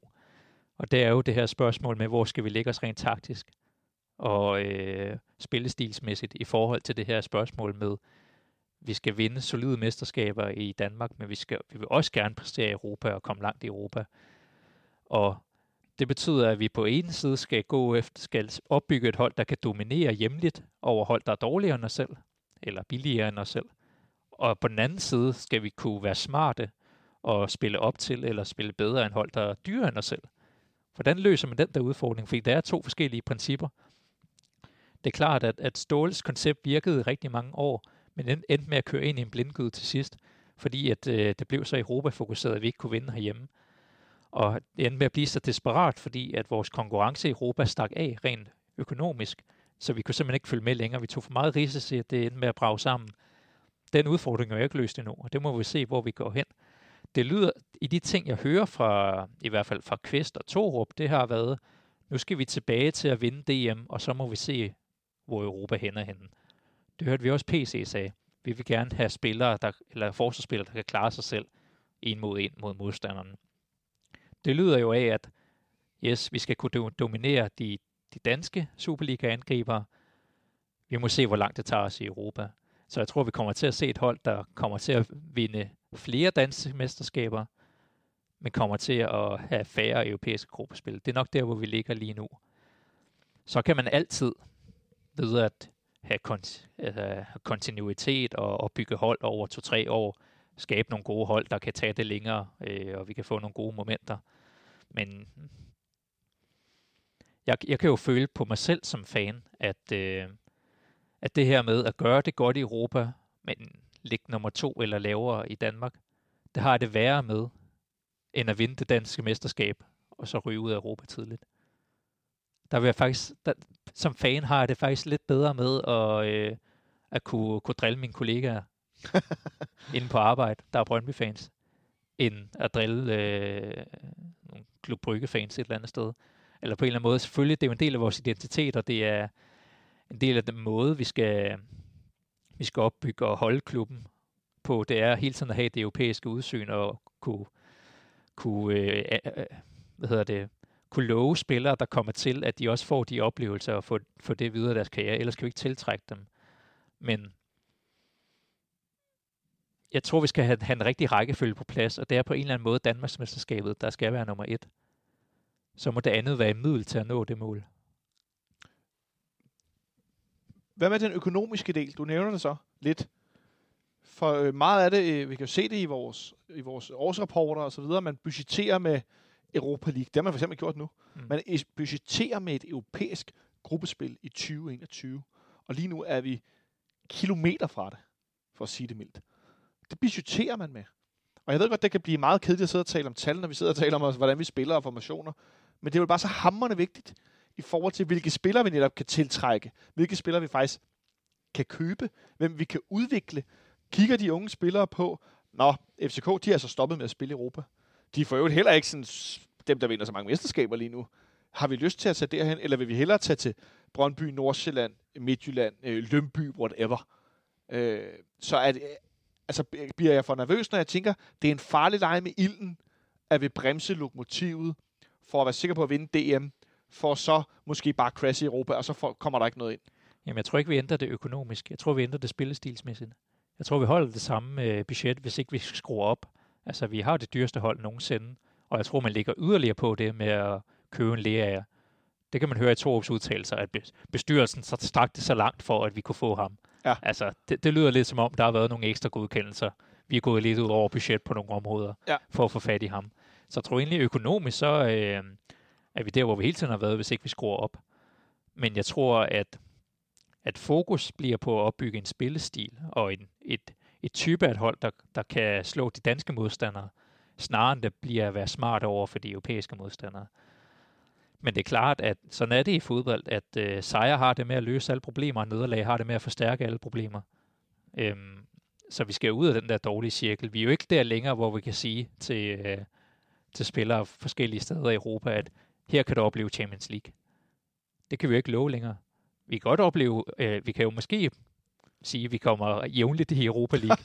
jævnligt, det er et godt udtryk. Men, øh, men så skal det være nogle andre ting, vi, øh, vi lokker til. Men det var jo Ståles hovedbrud, at, at han var nødt til at love de der ting for at kunne tiltrække den type spillere. Og så ender vi ved det sidste spørgsmål, det, øh, den, det rækkefølge, det var så antallet af talenter og øh, udefra kommende investeringer. Skal vi øh, blive ved med at, at satse på de her, øh, det kan godt være, vi får et godt inflow for FCK Talent, men skal vi stadigvæk købe Mikkel Kaufmann-typer og øh, Victor Nielsen-typer, der skal, der skal trænes tidligt og lave en masse fejl på det her hold, før de bliver gode? Eller skal vi have en stamme af, af voksne spillere? Øh, det, det er jo et andet spørgsmål. Jeg synes, det er ret interessant det sidste, for det er noget, jeg tit tænker, når øh, fodboldledere, fans, trænere, alle mulige taler om, at de gerne vil have en klub, hvor man har mange af ens egne, øh, hvad skal man sige, afledede spillere, man har egne talenter på første holdet. Og så øh, putter man en masse penge ind i nogle talentafdelinger, noget scouting af omregnsklubber og alle mulige ting. Men jeg kommer altid sådan til at tænke, at hvis spillerne ikke er gode nok, altså hvis der ikke kommer en, en United, Manchester United 92 årgang, hvis ikke der kommer nogle gode spillere, så kan man jo gøre nok så meget for at dyrke det. Men altså, jeg mener, så kan man sige, at man kan have nogle af de tanker om at være spille med talenter, men hvis de ikke er der, så bliver man jo nødt til at købe nogle andre. Nogle gange skulle man have spillet med nogle unge talenter, og ikke købt nogen. Bevares, det er jeg helt med på. Men jeg synes nogle gange, det bliver en lidt svær præmis, fordi de der talenter skal jo være der. Og så selvom du satser på dem, hvis de så ikke er dygtige nok, hvad gør du så? Ja, altså der var, der var lige øh, et, et, nogle gyldne år omkring år 2015, hvor vi kunne det der, hvor vi kunne købe sådan Benjamin Verbic, som er en af de bedste spillere i hans øh, slovenske liga, Han kommer i en alder af 21, og han er gammel nok til at kunne levere med det samme. Men han er også ung nok til, at vi kan øh, udvikle ham og tjene videre penge på ham. Han er ligesom det perfekte eksempel. Men det kunne vi ikke i rigtig mange, i særlig lang tid, før alle andre også fandt ud af, at det var en god idé. Så nu står vi så i et tidspunkt, hvor vi enten skal købe en Mikkel Kaufmann alt for tidligt, eller vi skal, øh, vi skal hente en, øh, en ældre øh, herre hjem, øh, som ikke kan sælges videre. Og det var sådan lidt spørgsmålet. Jeg synes, man altid skal have et, øh, et fint inflow for FCK-talent. Have nogle spillere, der kommer op hver årgang. De er i hvert fald de bedste. Det har vi også set. Vi har Jonas Vind, vi har Victor Christiansen, det er dem, Mohamed Rami. Det er dem, vi satser på. Så har vi nogle af dem, der er lidt perifære, Darkim, øh, Hår og så videre. Dem sender vi videre. Vi kan ikke have så mange på holdet på, på samme tidspunkt. Men det er jo tilbage til, at vi skal have den rigtige rækkefølge på plads. Vi skal først og fremmest vinde, vinde mesterskaber. Dernæst skal vi være en øh, talentklub. Men det er, jo, det, er jo, det er jo klart, at man, øh, man bliver fristet af det overskud, det kan generere at sælge unge talenter. At det overskud, det kan generere at, øh, at købe et, øh, det rigtige talent på det rigtige tidspunkt og videreudvikle, og så øh, sælge videre. Men det er jo det, hvad, hvad er det, man egentlig prøver at opnå? Det er jo det spørgsmål, man er nødt til at stille sig selv. For jeg synes jo, at talentudvikling og scouting og transfers, det er jo alt sammen midler til det mål, og ikke mål i sig selv. Ej, det, det synes jeg egentlig er ret interessant det sidste, for det er jo noget, man hører fra nogle andre klubber nogle gange, at udvikle talenter er ligesom den helt store kerne i en, en man kan nævne FC Nordsjælland som eksempel på, hvor det er det, man gerne vil. Det er at udvikle unge spillere. Øh, men jeg hører jo vores nye sports... Ja, hedder han sportsdirektør eller sportschef? Nu bliver jeg faktisk i tvivl. Jeg tror, det er sportsdirektør. Ja. Øh, PC, hvilket jeg er enormt lettet over, som Nikolaj også fik nævnt. Han er helt klar i mailet. Vi skal vinde. Vi skal vinde alle turneringer, vi stiller op i. Ej, jeg, jeg, jeg, jeg går ikke lige regner med, at hvis vi kommer i Europa League, så vinder vi Europa League. Det er ikke lige der, jeg er bevares. Men vi skal vinde Superligaen. Og vi skal vinde pokalturneringen. Men det, det leder mig tilbage til, hvordan jeg tænker fodbold. Og når folk spørger, ah, eller griner, så du nævner din Brøndby-kollega, ah, hvad for en plads ligger I på? Jeg sådan lidt, det ved jeg sgu ikke. Men hvad vi den sidste kamp? Ja, det var vigtigt. Nej, det ser skidt ud på den lange bane, der med på. Men jeg tænker hele tiden, og det lyder som, at jeg har fodboldspiller, det er jeg ikke. Og dem af jer, der kender mig, ved mig, det kan jeg overhovedet ikke rent fysisk finde ud af. Øh, men altså, det er den næste kamp, der er den vigtigste. Vi skal bare vinde hver evig eneste kamp, altid. Så bliver det godt på lang bane. Mm. Så for mig er det egentlig simpelt nok. Vind en anden fodboldkamp. De end. Men ja. det, det er selvfølgelig simplificeret. Det er jeg med på, at nogle gange vil man spille udgået. Nogle gange vil man tabe en fodboldkamp. Sådan er det i fodbold. Men som udgangspunkt, hvis du vinder den næste kamp, så går det rigtig godt. Øh, altså, jeg kan, jeg kan ikke tænke så langt nogle gange, så det er derfor, jeg spørger dig. Altså det der, når PC også siger, at vi skal gøre sådan, og han får jo givet klart udtryk for, at vi skal spille mere med vores talenter, hvis de er dygtige nok. Eller det er så det sidste af mig, der siger det. siger han ikke. Øh, men vi skal have mere flow ind fra FCK Talent. Tror du, det vil kræve en endnu større øh, opjustering eller kvalifi- kvalificering, altså at putte flere penge ind i FCK Talent for at nå det her i en højere grad? Nej, altså P- PC siger du egentlig ret klart, at han synes egentlig, det er, det er ret nemt at forholde sig til, at vi skal, vi skal være de bedste. Det er den målsætning, der er. Det, ja. det er nemmere at forholde sig til det, end, at, end den der diffuse top 6 målsætning. Fordi her, der kan han sige, målet, vi skal være nummer et.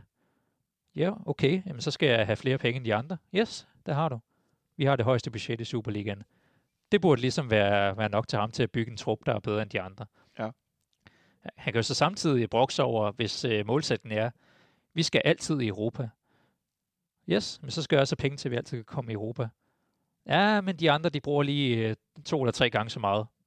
Så kan han jo, øh, så er det nemt for ham at sige, yes, jeg skal nok vinde de her mesterskaber, men jeg kan jo ikke komme i Europa. Okay, tilbage til, øh, til de her penge, han så har til at, at vinde mesterskabet. Der skal han så bygge et hold, der kontinuerligt kan vinde det mesterskab. Og der, øh, der skal han jo læne sig op af sin trænerstab, der ligesom siger, okay, vi har brug for nogen. Vi har brug for en stamme af erfarne spillere, der, kan, der ved, hvad vi skal gøre i kampene, når vi står og foran 2-1 mod Randers.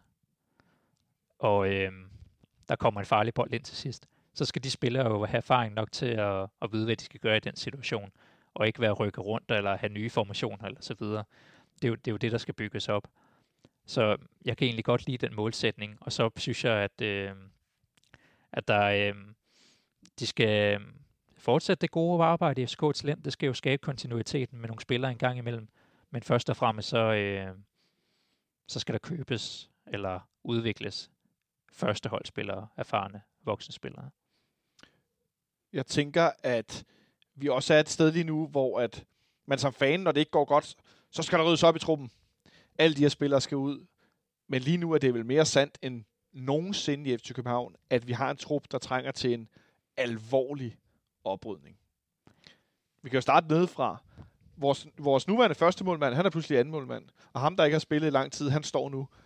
Nikolaj var inde på det. Der er ikke nogen af dem, vi er rigtig trygge ved. Så man sat helt skarpt op, kunne man sige, at vi skal faktisk have en ny målmand. Jeg ved godt, det er sat på kanten. Det regner ikke med sker, men, men sat helt på spidsen. Øh, Kalle skulle måske faktisk i virkeligheden sælges nu til sommer. Det bliver han jo ikke af ikke at spille. Det er også lidt omvendt land. Nå, så lad os starte for højre. Vi har to højre backs. Peter Ankersen regner jeg med, at vores første højre back i Ja, indtil han stopper karrieren. Er det for, øh, sat for, for, for firkant op? Nej, det tror jeg egentlig. Jeg tror egentlig, han gerne vil være herinde, så ja. han på et tidspunkt øh, ikke kan mere. Bartolets ligner en, der øh, i nær fremtid øh, skal ud og spille noget fodbold. Øh, han var inde omkring det kroatiske landshold. Det er han ikke længere. Han har lige spillet nogle kampe fast. Han ryger ud med det samme, selvom Peter Ankersen ikke er i form endnu. Øh, han er klart andet valg. Jeg tænker ikke, han gerne vil blive ved med at være det.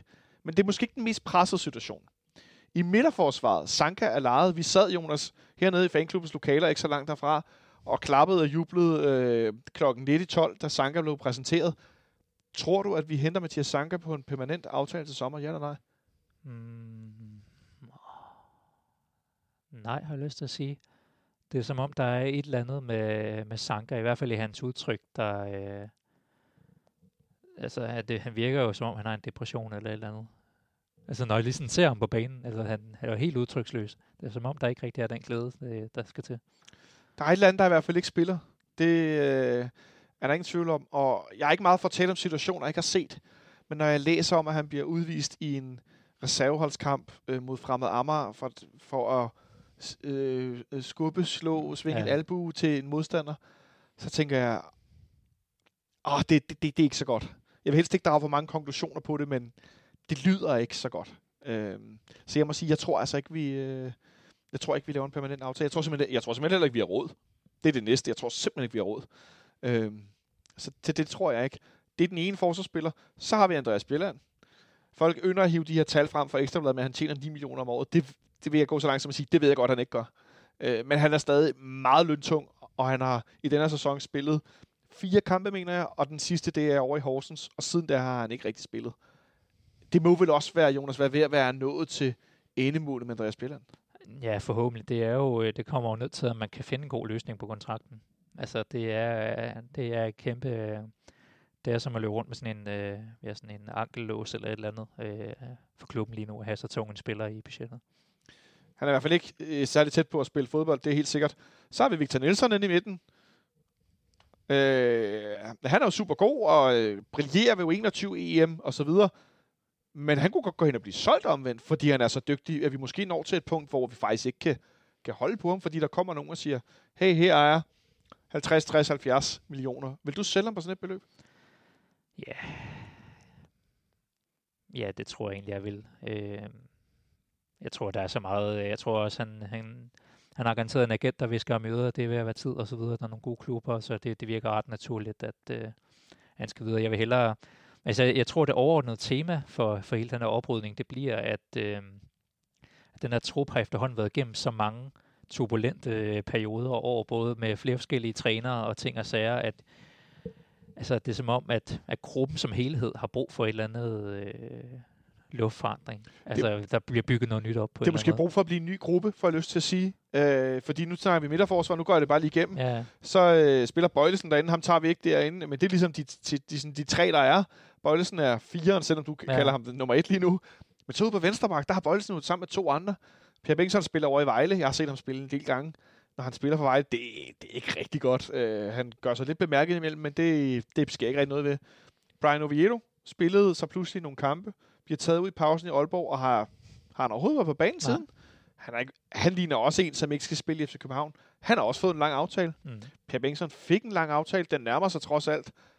Men de er her stadigvæk. Pierre vil gerne til EM til sommer med Sverige. Der spiller han fast. Ja. øh, bemærkelsesvis, øh, eller vildt nok i virkeligheden. Øh, der er tre spillere. Jeg glemte jo også, at Varela er over på højre bakken. Han er lejet ud til Dynamo Moskva. Mm. Han skal vel også direkte skibes videre, kunne jeg forestille mig. Men mindre, at han er en spiller fra ES Torup, kommer tilbage og blomstrer op, men der har vi jo Peter Ankersen. Mm.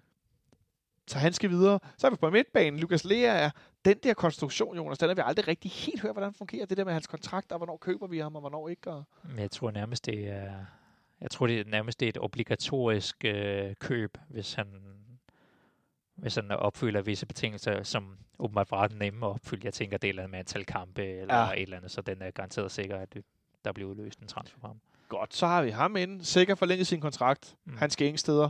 Rasmus Falk forlænget sin kontrakt en del. Han skal ingen steder. Nej. Øh, Jens Dage står lidt bagved der. Øh, tror du, han er tilfreds med at være øh, firevalget på den der midtbane, hvis den er med tre endda? Ja, Jeg tror, han lidt han er sådan en øh, arbejdsmand. Jeg tror ikke, han, øh, han presser et salg igennem nu. Nej. Nikolaj Thomsen. Ja, han findes også. Han er her stadig. Han er her stadig, den gode Nikolaj Thomsen. Øh, manden med den mest øh, i, ud af ledslåede skulder i Danmarks historien. Øh, han skal vel også ud og spille noget fodbold. Kommer til på krykker og det hele. Det, ja, det, var- det, var, det var en synd karriere for ham på en eller anden måde, men ja, send ham til øh, et andet sted i Superligaen. Et andet sted i Superligaen. Jeg tænker, han skal hjem til, til Aalborg på et eller andet tidspunkt. Det, det må næsten være, øh, det må næsten efterhånden være ved at, at være dertil. Øh, altså, øh, jeg har, om jeg glemte det i forsvaret? Marius og Koinovo. Nå ja. Manden, som de taler om som værende en fantastisk omklædningsrumspiller, trupspiller, træningsspiller, men øh, en af de 20, 20 ifølge Ekstrabladet, 20 bedst lønnede spillere i Superligaen, ja. øh, som sidder ude på bænken og ikke er i nærheden af at spille. Virker som en flink fyr, øh, men det er jo et af de, han kommer til at stå i historien som en, han bliver sådan en quiz-spørgsmål på et tidspunkt. Øh, du Ja. har allerede se, jeg kan ikke engang huske ham. Men det er jo, øh, Jeg kunne da heller ikke huske nej, det er jo et af de der obskure køb, som sikkert kommer til at defineres Solbankens sidste periode. Ja, det må man sige. På midtbanen øh, var vi frem. Vi var med øh, Rasmus Falk, vi havde Lukas Lea, Jens Dage, vi var sikker, Nikolaj Thomsen. Så er der den unge mand, Marco Stamenic. Han må sige at være en mand til fremtiden. Mm. Øh, ham tror jeg personligt, vi kommer til at se mere til efter sommerpausen. Øh, så er der en anden en, der står her som midtbanespiller. Det er vores spanske ven, Pep Biel, som fik en voldsom opblomstring i slutningen af efteråret. Nu er han igen ikke rigtig i nærheden af noget. Tror du, det bliver et farvel til den dyreste indkøbte spiller i Superligans historie, efter uden sådan egentlig succes her til sommer? Ja, det kommer også meget an på, øh, hvem der, der er bydet sig til. Han er jo så dyr i, øh, i budgettet, at det, det kan koste nærmest for meget at bare sende ham videre til, til nogle piner til et eller andet sted. Og det er jo, det er jo, det er jo en sjov situation, fordi han, er, han har så høj kvalitet i bestemte faser af hans spil, at der er jo muligheder Ja. Og så videre, men jeg tror efterhånden, at han, han selv må begynde at snakke lidt med øh, sin rådgiver omkring, hvad, hvad kan vi finde ud af her, fordi det, det er aldrig helt blevet godt i den her kolde stad for Nord. Ej, det, det- jeg synes ellers lige, det begyndte at ligne noget. Og så var han også ekstremt dårlig mod OB i den der første kamp mm. i, i foråret. Øhm, og så er der selvfølgelig en, som også står her som midtbanespiller, den sidste i rækken, øh, Victor Fischer, som jo øh, scorede, ej, øh, det er jo ikke fordi han knaldede bolden ind mod Randers, men øh, havde sidste fod på, øh, på bolden, da Rasmus Falk ellers skulle have haft et, et straffespark. Han ligner en, der igen er lidt ved at være der, uden helt at være der. Hvad tror du, det ender med med Victor Fischer? Jeg tror ikke, han ryger videre lige nu, men det er, der, det, der er nok ikke så længe til, at man skal begynde at bestemme sig omkring, hvad, om det, man er en, han er en, man tror på eller ej. Altså tror man på, at man kan genfinde den her selvtillid, som blev, øh, som røg der i, i vinteren, hvad var det, 2019, 20, et eller andet, eller sådan, altså der, hvor Robert Skov egentlig overtog fra ham, og han fik den der lange halvårsskade, der skete et eller andet helt vildt med hans, øh, hans selvtillid til sin egen øh, knæ og, og ting og sager. Ja. Så, øh, så dit svar var i virkeligheden, Han, han bliver her for nu. han bliver her for nu.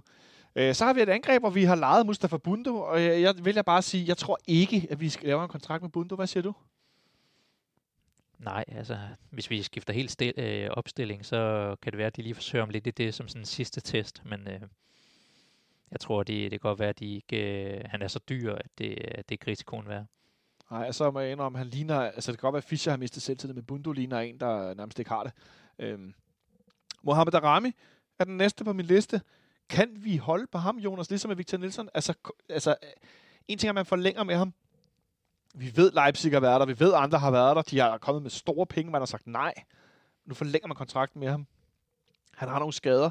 Løfter sig i det her forår. Spiller nogle rigtig fine minutter ved U21-EM. Kan vi holde på ham nu? Ja, han er en sjov case, fordi at der er jo så meget handel med, med, med rigtig unge fodboldspillere i de her år, at vi jo angiveligt har sagt nej til rigtig mange penge for Leipzig, dengang han var 16. Så, øh, så valgte man jo at tage den der case. Nej, vi har lige solgt Victor Jensen, vi har lige solgt Mads Bistrup. Nu prøver vi at satse på Mohamed Rami, få ham ind på første holdet, lade ham spille 100 kampe, og så sælge ham videre for 100 millioner. Jeg tror, det, det var det, man tænkte dengang. Ja. Så sker der jo det, når man så øh, prøver at konvertere på potentiale til, øh, til reel eksekvering, at så bliver han jo ældre og har en naturlig udvikling, men det, det gør bare meget, at han går fra at være 16 til at være 17, til at være 18, Ja. til at være 19. Og han er måske ikke, altså, det, altså man betaler så meget for navn og potentiale i dag, at prisniveauet i virkeligheden falder. Og vi, havde, vi, vi diskuterede jo bare for et halvt år siden, om øh, han var ved at gå lidt i stå, eller hvad skete der, og han var nede og spille reserveholdskamp igen for at få selvtillid og sådan noget. Men jeg tror, at det, det, det, de skridt, han har taget de sidste måneder, har givet mig noget tro på, at, at øh, man gerne vil satse på ham. Sige nej til eventuelle øh, fæsende bud, der kan komme i sommerferien. Tro på, at han bliver en fast mand i næste sæson, og så bliver han sommeren 2022 storsalg. Ja, det er et meget godt bud. Så er der Rasmus Højlund. Han er fremtidens mand. En, der har st- kommet ind og spillet efterår, fordi alle var skadet. Han spillede angriber sammen med Vilcek i nogle kampe blandt andet. Det var en øh, meget utraditionel eller overraskende angrebsstue. Øh, han må, det må være til fremtiden og se, om han kan blive mere fast i, øh, på første holdet. Mikkel Kaufmann er den næste. Dyrt ikke købt i Aalborg.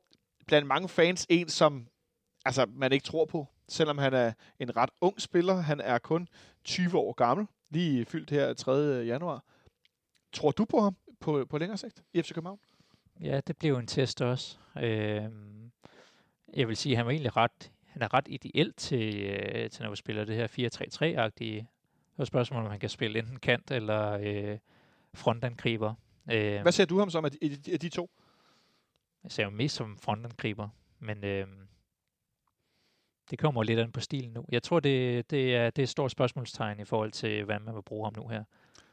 Det er sjovt. Jeg tænker ham mest som sådan en, øh, en, en, en fløj sideangriber, som kan piske afsted, og så få bolden, øh, lave tværaflevering, eller gå i direkte mod en, en forsvarsspiller. Noget ja. Stil. ja, interessant. Øh, William Bøving, også til fremtiden, står på her øh, som angriber.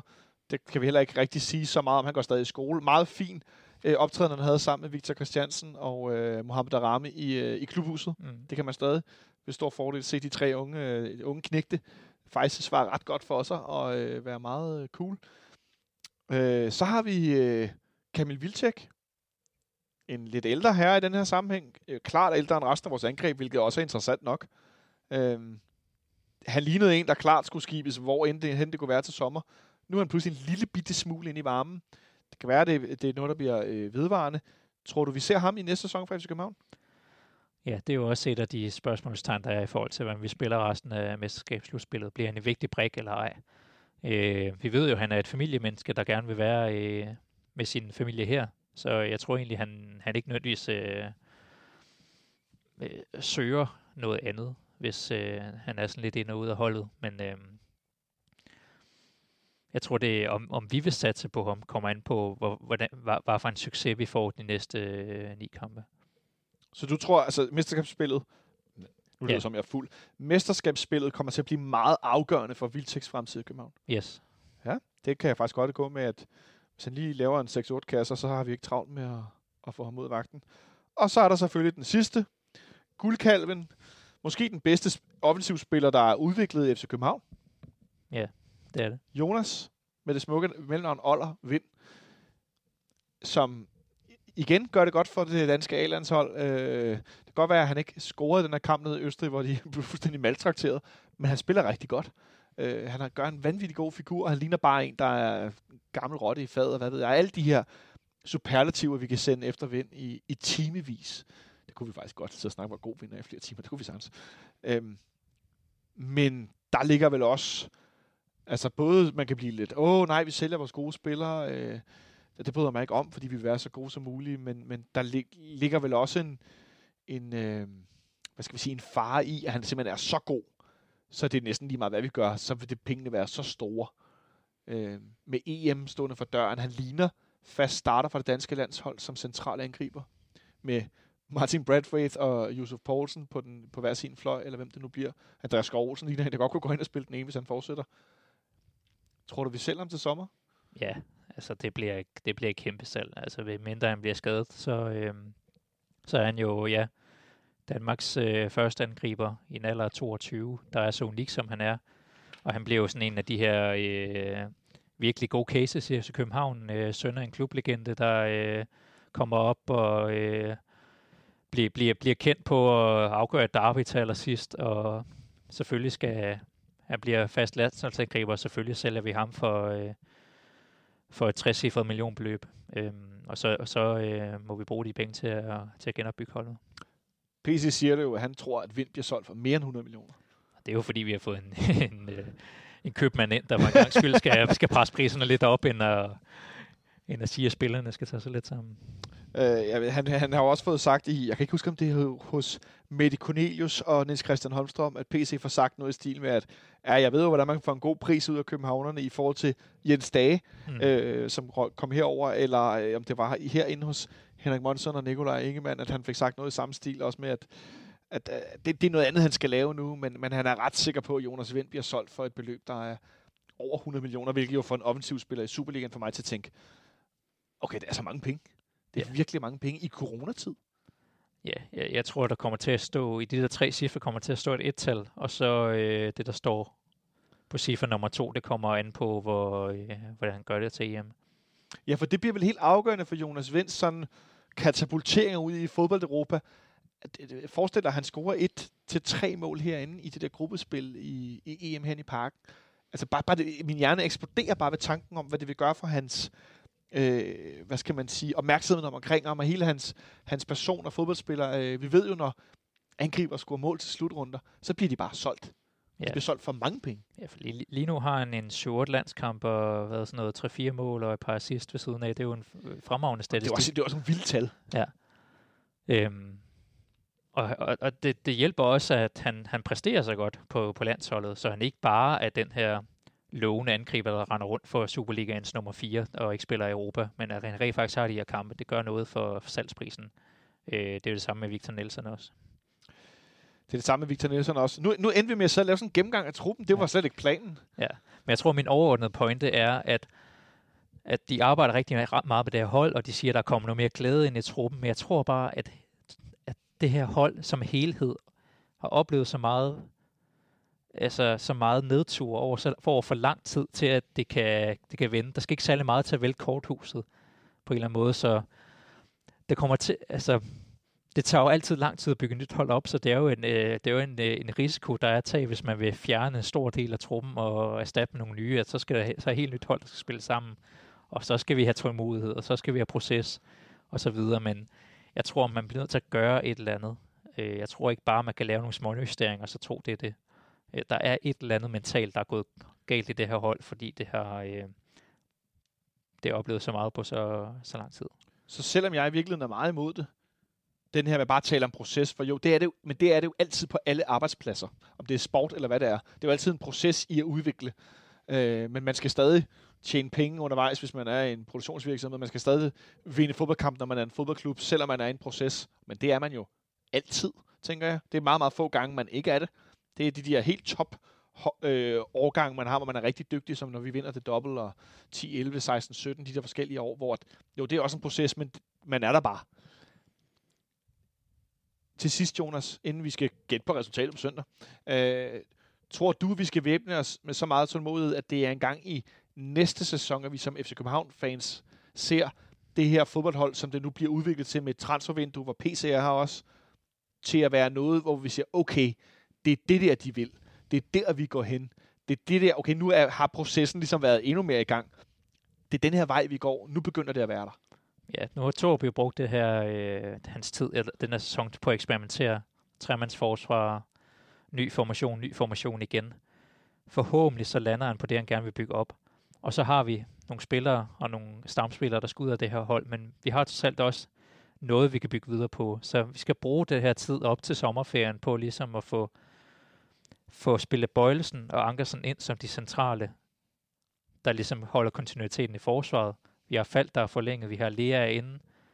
Vi har, øh, vi har Darami som en nyt håb op i øh, angrebet.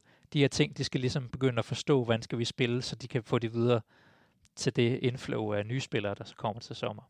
Jeg må sige, jeg tror først, at vi efter vintertransfervinduet 21-22, altså om et halvt års tid kan vi sige, at vi når til et punkt, hvor man siger, okay, det er det her, der er vores hold. Det er med nogle af de unge, som vi også ser op nu. Øh, nogle af dem ser vi allerede, men flere af dem, som, som er blevet... Øh, øh, jeg tror, skal man sige, rykke op i første Jeg tror, du får brug for en ny knap, det der bort med sådan Mette Frederiksen øh, jingle med, øh, vi har brug for lidt mere tålmodighed. Ej, jeg kan godt garantere, at der kommer ikke nogen Mette Frederiksen jingle. Men, men jeg har jo ikke tålmodighed om nogen, hvis nogen var i tvivl. Men jeg kan ikke lade mig at tænke, at der går så lang tid, fordi vi har nogle unge spillere, Victor Christiansen, som jeg ikke engang nævner før, som jo spiller ret fast lige nu.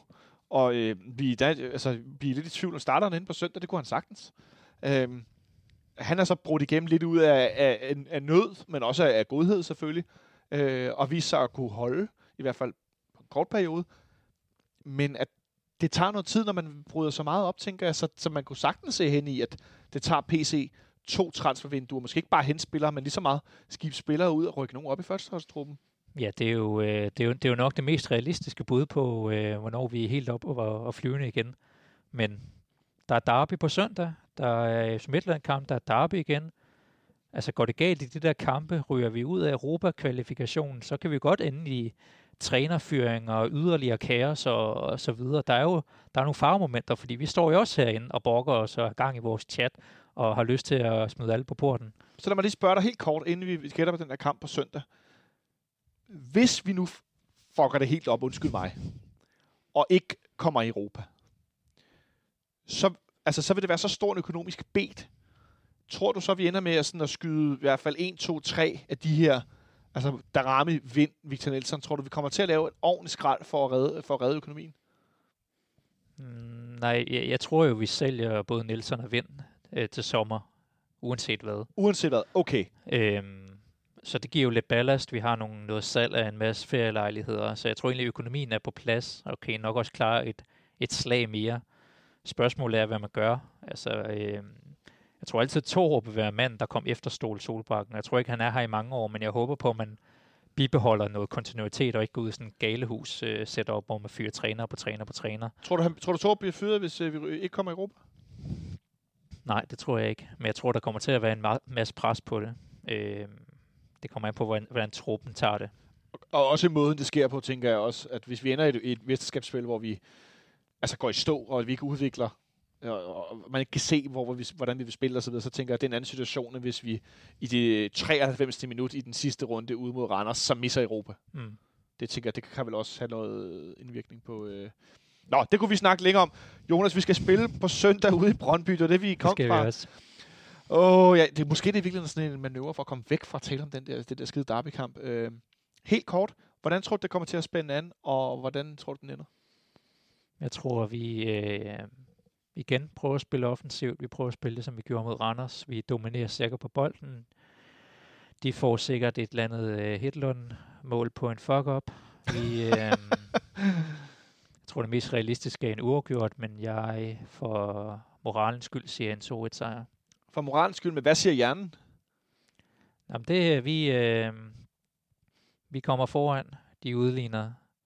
Vi scorer et afgørende på den her rundens profil, der lige, øh, Ej, der lige dribler igennem og lægger den over til lange hjørne. Se, det kalder jeg at blive løftet af en god ven. At du lige får rundens profilen der. Tak for det, Jonas. Øhm, det var jeg glad for. Jeg, jeg, altså, jeg tror, vi taber. Og det er ikke bare pessimisthatten. Det er ved at kigge på Brøndby, og det kigge på os. Og de slås lidt med det lige nu, men de slås med det, når de spiller mod nogen, som kan finde ud af at stille sig og vente, så de ikke spiller kontra. Men det kan vi ikke om Sanka starter eller ej, øh, om det så er i stedet for Victor Nielsen, eller hvad det er, så spiller vi med enten Bøjlesen eller Victor Christiansen på den venstre bak. Det går fremad. Det er nogen, der spiller. Victor han løber, og Bøjle spiller, men det går fremad. På højre bakken, der er det Peter Ankersen eller Bartolaj. Bartolets kommer ikke så meget frem. Han forsvarer heller ikke så meget. Ankersen, det er frem. Bang, fuld power. Han er fremme, og han forsvarer lidt bedre, men der er også fuld gas på. Og selv når vi spiller med op foran og dem ind på midten og så videre, medmindre vi sætter Jens Dage som en overraskende sidespiller, for at kunne stå og vente og, og har trænet hele ugen, og nu skal vi være afventende. Så det, det, altså det, det, det, det er et hold, og det er en spillestil, som både Jes Torp, inden PC kom til, ønsker skal fremad. Det skal være dynamisk, det skal være underholdende, det skal være angrebsfodbold. De kan ikke stå og vente på Brøndbys 1992 angrebsfodbold. Det kan de ikke. Så, så, det, så med mindre, at de igen rammer overlæggeren to-tre gange og ikke kan putte bolden i mål, og vi så scorer et-to mål, rundens profil kommer ind og scorer, så taber vi. Fordi så laver vi et eller andet lille fuck-up, som de bare er lige nu i særklasse dygtige til at udnytte. Vi så det også mod Midtjylland. Hvis ikke Michael Ure havde skøjtet rundt i sin friløber, så er det bare med mål. Altså, der, det, det er så lidt, der skal til selv for Midtjylland, der spiller en rigtig god forsvarskamp. Så jeg må skulle sige, det, det er ikke ud fra, åh, alt er lort, og jeg tror ikke på noget. Det handler simpelthen om, jeg kigger på vores hold, jeg kigger på dem. Vi er bare ikke sat op til at vinde over dem lige nu. Det er vi sgu ikke. Er det for negativt? Nej, jeg tror, det er, jeg tror, det er meget realistisk. men, uh, ja, det, er jo, det, er jo, det, er jo, det er jo fredagsstemning, vi kører. Ja, det skal jeg love for. Jeg har brug for at begrave mig i en fredagspark, kan jeg godt mærke. Dem er der ikke nogen af i øjeblikket. Dem håber vi snart vender tilbage øh, på den anden side, når, når, når værtshusene er, er andet åbner igen 6. maj. Jeg trænger i hvert fald til at sidde i et bodega-lokale med nogle gode venner og skåle i en fadøl. Det kan jeg godt afsløre, hvis nogen var i tvivl. Øh, så lidt skiftende. Nikolaj, jeg tror, vi vinder. Du håber, vi vinder. Øh, jeg tror simpelthen ikke på det. Jeg håber selvfølgelig på det, men jeg tror simpelthen ikke på det. Hvis jeg skulle sige, hvad jeg håber på, så, så, så håber jeg på, at vi vinder sådan klart. Godt være, det kun er 1-0, men klart. En klar sejr over Brøndby på udebane. Det vil simpelthen løfte min tro og moral på det her hold, og den spillestil, og den træner ekstremt meget. Er det for nemt købt? Det kan være. Men lad os se, hvad der sker. Er der noget andet, vi skal have med? Nu fik vi snakket rigtig længe alligevel. Jeg tror, vi har været øh, filosoferet godt overholdet. så hvis der er nogen af jer derude, der, der trænger til en lille øh, gennemgang af truppen, eller hvad ved jeg, så har vi her med lidt overraskende for os selv også leveret den. Øh, men øh, nu er vi også sådan mesterskabsspillet. Ni kamp. Hvad skal der ske? Så med de ord vil jeg bare sige øh, tak til Nikolaj, der susede afsted. Tak til dig, Jonas, der kom forbi herinde. Det var en fornøjelse at være sammen igen. Ja, det var podcast. Det. det var det. Det er godt nok længe siden. Tak til jer, der har holdt ud så længe og fik hørt på vores trup gennemgang, der dukkede lidt op ud af det blå, men øh, nogle gange så skal man øh, vende ridets tilstand. Jeg håber, I får en god kamp på søndag. Jeg håber, at jeg tager grueligt fejl. Øh, det glæder jeg mig til at se. Men øh, vi lyttes ved i starten næste uge. Øh, ha' det godt så længe.